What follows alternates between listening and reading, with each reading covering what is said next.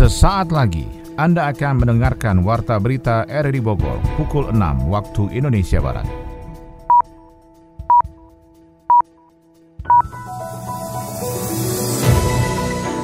Selamat pagi, salam jumpa. Kami kembali hadir dalam Warta Berita Pagi ini, Jumat 12 Maret 2021. Siaran ini juga dapat Anda dengarkan melalui audio streaming RRI Play pada perangkat Android Anda, serta pula dapat Anda dengarkan kembali melalui podcast kami di Spotify, Anchor, Podtail, dan Google Podcast.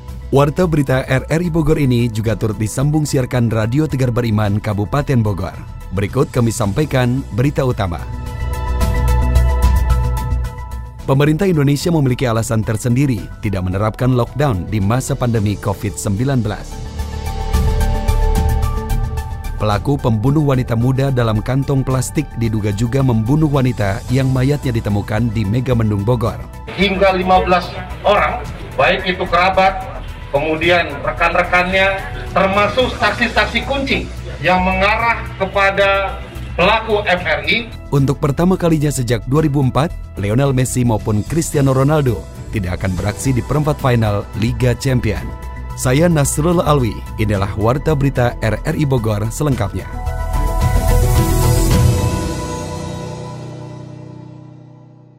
Saudara, pemerintah Indonesia memiliki alasan tersendiri tidak menerapkan lockdown di masa pandemi COVID-19. Sekretaris Eksekutif 1 Komite Penanganan COVID-19 dan Pemulihan Ekonomi Nasional, Raden Pardede mengatakan, ketidakmampuan menerapkan lockdown dikarenakan masih ada kelompok masyarakat yang harus bekerja setiap hari untuk berkelanjutan hidup. Pradipta Hardi melaporkan.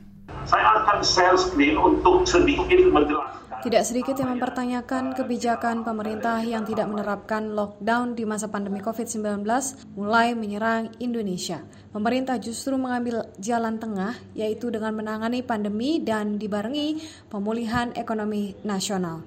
Sekretaris Eksekutif 1 Komite Penanganan COVID-19 dan Pemulihan Ekonomi Nasional KPCPEN Raden Pardede mengatakan, Pemerintah Indonesia memiliki alasan tersendiri tidak menerapkan lockdown di masa pandemi COVID-19. Salah satunya, alasan dari pemerintah tidak menerapkan lockdown menurut Raden Pardede adalah karena masih ada kelompok masyarakat yang memang harus bekerja setiap hari untuk keberlanjutan hidup. Hal ini disampaikan Raden dalam sesi webinar mengenai kebangkitan ekonomi pasca pandemi. Tentu kita tidak memiliki kemampuan untuk melakukan melaksanakan total lockdown untuk jangka waktu yang lama. Jadi jelas itu bukan pilihan kita karena memang kita tidak sanggup. Kita harus mengakui itu secara jujur. Namun sejauh ini kita mencoba menjaga keseimbangan itu dan harapan kita adalah kita masih bisa dengan perubahan-perubahan yang kita lakukan selama ini. Dari PSBB kemudian akhir-akhir ini kita lakukan PPKM kemudian PPKM mikro di mana kita libatkan juga Babinsa dan juga Bantam Tipnas tingkat RT RW kelihatannya dengan ikutnya komunitas yang lebih kecil dan disiplin dari mereka itu terlihat ada hasil yang lebih baik. Dalam kesempatan yang sama, Wakil Ketua Komisi 6 DPR RI Aryo Bimo mengatakan, untuk membangkitkan perekonomian pasca pandemi, BUMN harus menjadi pendorong bagi bergeraknya dunia usaha di masa pandemi COVID-19 dan mampu menjadi stimulus pertumbuhan ekonomi. Kementerian Keuangan mencatat realisasi investasi pemerintah kepada badan usaha milik negara sepanjang tahun mencapai 75,94 triliun. Dari total tersebut, 56,288 triliun merupakan dukungan dalam bentuk penyertaan modal negara dan sebesar 19,65 triliun dalam bentuk pinjaman investasi pemerintah dalam rangka pemulihan ekonomi nasional. Dukungan dalam bentuk PNM ini diberikan kepada BUMN atau lembaga yang membutuhkan penguatan permodalan hingga dapat melaksanakan fungsi katalis maupun penugasan khusus yang diberikan kepada pemerintah. Program vaksinasi COVID-19 yang sudah dan tengah berjalan diharapkan dapat menumbuhkan rasa aman dan nyaman bagi semua elemen untuk mulai beraktivitas yang tentunya akan berdampak pada pemulihan ekonomi nasional. Meski masih banyak masyarakat yang takut atau ragu dengan vaksin, maka tentu perlu diberi contoh langsung baik dari pimpinan maupun dari tokoh masyarakat dalam bentuk pendekatan komunikatif sehingga semakin banyak masyarakat yang sadar dan juga dapat mengerti manfaat dari program vaksinasi COVID-19. Korem 061 Surya Kencana Bogor mengoptimalkan penyaluran bantuan bagi masyarakat yang terdampak pandemi COVID-19.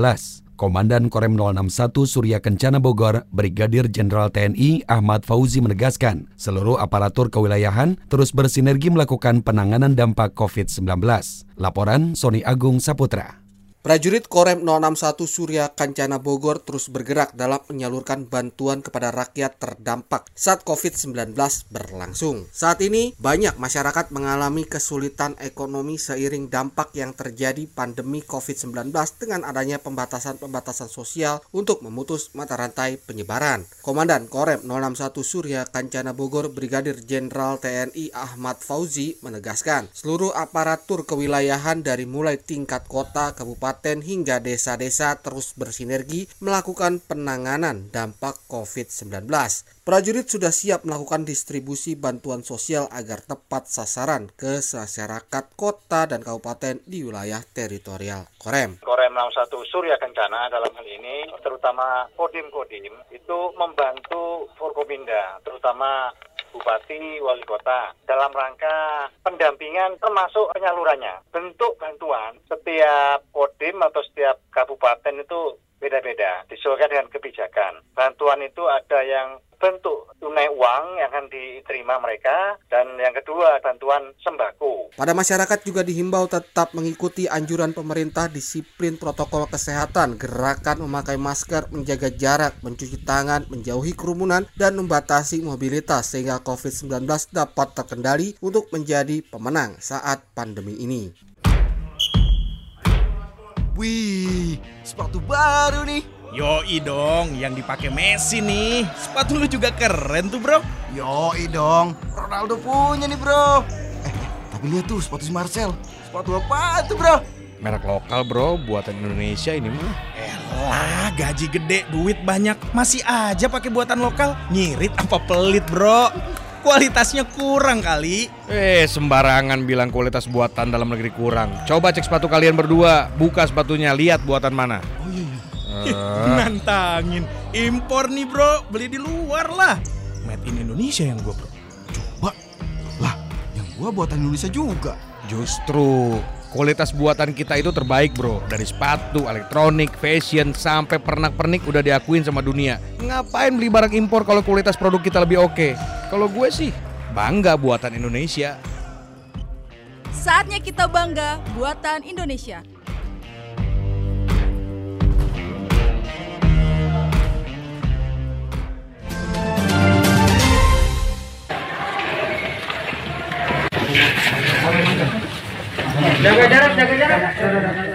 MRI, 21 tahun, pemuda asal Depok yang diduga melakukan pembunuhan berantai dalam waktu dan lokasi berbeda di Bogor, digelandang petugas kepolisian dari ruang pemeriksaan menuju ruang konferensi pers di Polresta Bogor Kota, Kamis kemarin. Pelaku diduga membunuh DP 17 tahun yang mayatnya ditemukan di dalam kantong plastik hitam di pinggir Jalan Raya Cilebut, Kota Bogor pada 25 Februari 2021 pagi. Kemudian pada 10 Maret 2021 pagi, jasad EL 23 tahun ditemukan tergeletak di pinggir jalan desa Pasir Angin, Megamendung, Kabupaten Bogor. Kapolresta Bogor Kota Kombes Pol Susatyo Purnomo Condro mengatakan pelaku ditangkap Rabu malam di tempat persembunyiannya di kawasan Depok. Kerja keras, kegigihan, keuletan dari tim gabungan reserse Polresta Bogor Kota Polsek Tanah Sereal yang di backup oleh Direktorat Reskrim Um Polda Jawa Barat telah berhasil menghentikan aksi biadab dari tersangka MRI 21 tahun yang kami duga berperilaku layaknya serial killer atau pembunuhan berantai. Perkara ini kami ketahui setelah kami melakukan penyelidikan panjang hampir kurang lebih sekitar dua minggu lebih mengumpulkan saksi-saksi hingga 15 orang baik itu kerabat kemudian rekan-rekannya termasuk saksi-saksi kunci yang mengarah kepada pelaku MRI dan tersangka ditangkap di Depok pada tanggal 10 Maret 2021 pada pukul 19.30 dan dari hasil pengembangan termasuk jejak digital diketahui pula bahwa pelaku tidak hanya satu kali melakukan pembunuhan terhadap korbannya. TKP pertama ini adalah pada tanggal 20 ditemukan pada tanggal 25 Februari 2021 pada pukul 7.30 dengan korban atas nama Diska Putri 17 tahun warga Cibung Bulat ditemukan dalam bungkusan plastik berwarna hitam. Kemudian setelah dilakukan pemeriksaan awalnya tersangka tidak mengakui menolak terdapat foto korban kedua atas nama Alicia Risnawati 23 tahun yang baru saja dibuang atau dibunuh dibuang di daerah Pasir Angin Megamendung. Kemudian barang bukti yang berhasil kami sita ya, di antaranya adalah satu buah tas. Ya. Ini tas besar yang digunakan tersangka untuk membawa korban setelah dibunuh kemudian dimasukkan ke dalam plastik dibawa menggunakan tas ransel gunung ekstra besar ya. kemudian dikeluarkan kemudian dibuang ya. kemudian kendaraan yang digunakan ada dua motor yang digunakan jadi dibawa di ransel kemudian dibuang di lokasi Pihaknya masih mendalami informasi dan bukti terkait dugaan keterkaitan dua kasus temuan mayat yang dibunuh oleh satu pelaku ini. Kapolresta Bogor Kota, Kombes Pol Susatyo Purnomo Condro mengatakan pelaku merupakan pembunuh berdarah dingin yang berperilaku layaknya serial killer atau pembunuhan berantai. Ancaman bagi pembunuh berdarah dingin ini dikenakan pasal berlapis, yakni pasal Undang-Undang Perlindungan Anak karena salah satu korbannya di bawah umur, kedua pasal pembunuhan berencana, dan ketiga pasal pembunuhan biasa dengan ancaman hukuman mati. Ya Pak, agak mundur Pak.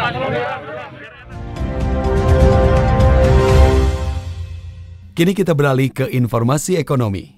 Pemkot Bogor mengoptimalkan dana pinjaman program pemulihan ekonomi nasional untuk membangun infrastruktur penunjang ekonomi daerah. Sekretaris Daerah Kota Bogor Sarifah Sofia menjelaskan, bantuan PEN dari Provinsi Jawa Barat salah satunya digunakan untuk memperbaiki alun-alun Kota Bogor yang diharapkan menjadi pusat kegiatan ekonomi yang berefek terhadap pembukaan lapangan kerja serta mengoptimalkan geliat ekonomi di sekitarnya. Adi Fajar Nugraha melaporkan.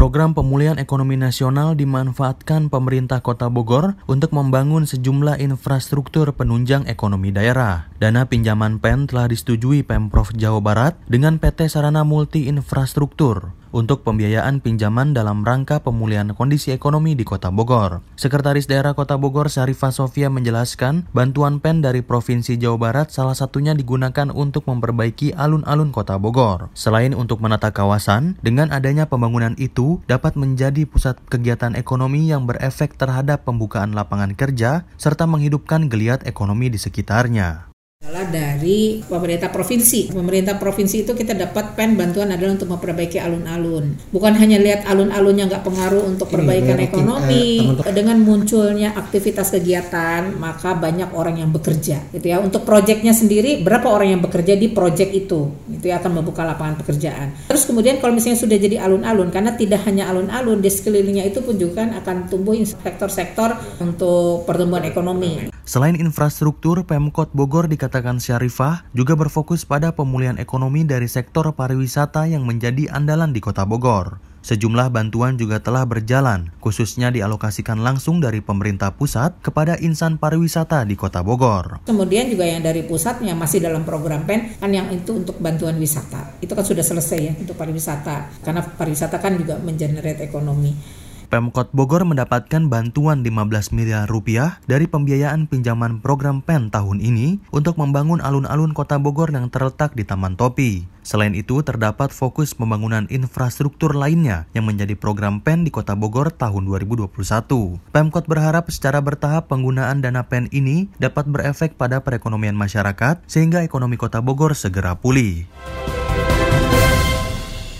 Sektor pertanian menjadi peluang bisnis yang harus dimanfaatkan bagi anak-anak muda di Kota Bogor. Wakil Wali Kota Bogor Dedi Arahim mengatakan, melalui teknologi yang ada, anak-anak muda saat ini dapat dengan mudah mencari informasi tentang pertanian, khususnya dengan sistem urban farming. Kembali, Adi Fajar Nugraha menyampaikan laporannya. Program pertanian perkotaan atau urban farming terus digalakan pemerintah Kota Bogor. Program tersebut bukan hanya menyasar kepada petani yang sudah ada, namun kaum muda atau milenial diajak untuk berperan dalam memajukan pertanian di Kota Bogor. Wakil Wali Kota Bogor Dedi Rahim mengatakan, milenial harus memanfaatkan kesempatan dan peluang dari sektor pertanian untuk dijadikan komoditas bisnis. Apalagi menurut Dedi, semenjak pandemi ada perubahan positif pada pola hidup masyarakat yang semakin gemar mengkonsumsi makanan sehat. Melalui teknologi yang ada, anak-anak muda saat ini dapat dengan mudah mencari informasi tentang pertanian, khususnya dengan sistem urban farming. Semenjak pandemi COVID ya, ada perubahan pola hidup di healthy food dan juga sport equipment itu menjadi salah satu sektor yang justru meningkat kebutuhannya. Sektor pertanian saat ini terus diperkuat Pemkot Bogor untuk menjaga ketahanan pangan serta menunjang kesejahteraan masyarakat. Dengan jumlah petani yang semakin sedikit, anak-anak muda diharapkan dapat tergugah minatnya menjadi generasi penerus untuk memajukan pertanian di Kota Bogor. Pendengar, selanjutnya disampaikan informasi dari dunia olahraga bersama rekan Ermelinda berikut ini.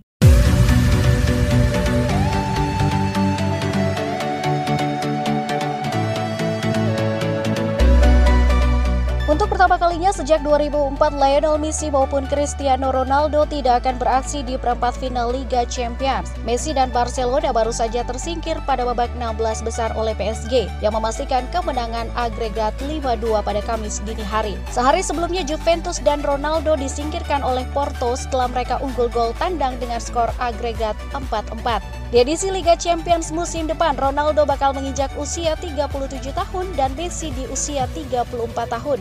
Keduanya diperkirakan akan lebih sulit untuk menjuarai kompetisi tertinggi klub Eropa tersebut. Secara keseluruhan, Ronaldo telah memenangkan Liga Champions lima kali, sedangkan Messi mengangkat trofi tersebut empat kesempatan. Timnas bulu tangkis Indonesia mengirimkan 8 wakil dalam kejuaraan All England 2021 tanpa tunggal putri. Hal tersebut dikarenakan Gregoria Mariska Tunjung yang menjadi satu-satunya wakil Indonesia pada nomor tersebut ditarik ke ikut sertaannya. Kepala Bidang Pembinaan dan Prestasi PPP BPSI Rioni Mainaki menjelaskan Gregoria batal tampil karena masih terkendala cedera paha yang dialami sampai sekarang. Meski sudah memberi kesempatan dan waktu untuk pemulihan, namun nyatanya kondisi Gregoria masih kurang memuaskan sehingga diputuskan untuk ditarik mendekati hari keberangkatan ke Birmingham, Inggris. Padahal Gregoria menjadi salah satu atlet yang ditargetkan menyabat gelar di salah satu kejuaraan bulu tangkis tertua di dunia itu. Dengan mundurnya Gregoria, maka anggota skuad Merah Putih yang akan berlaga di All England 2021 yaitu Tunggal Putra, Anthony Sinisuka Ginting, Jonathan Christie, dan Tommy Sugiarto. Ganda Putra, Kevin Sanjaya dan Marcus Fernaldi Gideon. Hendra Setiawan dan Muhammad Ahsan, Fajar Alfian dan Muhammad Rian. Ganda putri, Gracia Poli dan Apriana Rahayu, ganda campuran, Praven Jordan, dan Belati Daiva. Turnamen bulu tangkis All England 2021 akan berlangsung 11 hingga 17 Maret di Birmingham, Inggris. Dua laga seri 1 Liga Bola Basket Indonesia 2021 terpaksa ditunda menyusul temuan kasus positif COVID-19. Laga pertama yang ditunda adalah pertandingan antara Satya Wacana melawan Bank BPD DIY Bima Perkasa Jogja yang sedianya digelar Rabu lalu di jadwal ulang menjadi 16 Maret. Direktur Utama IBL Junas Miradiarsyah melaporkan laga tersebut ditunda karena ada satu orang kedapatan positif COVID-19 yaitu Rahmat Febri Utomo dari Bank BPD DIY Bima Perkasa Jogja. Febri pun langsung menjalani isolasi mandiri. Sementara seluruh pemain dan ofisial Bima Perkasa menjalani tes PCR ulang dan hasilnya negatif COVID-19. Selain laga Satya Wacana versus Bima Perkasa, IBL juga memutuskan menunda laga Pelita Jaya Basketball karena dua pemain masih positif COVID-19. Tim asal Jakarta tersebut akan bertanding pada tanggal 17 Maret mendatang. Kendati terdapat temuan kasus positif COVID-19, Junas memastikan situasi dalam gelembung masih aman dan terkendali dengan baik.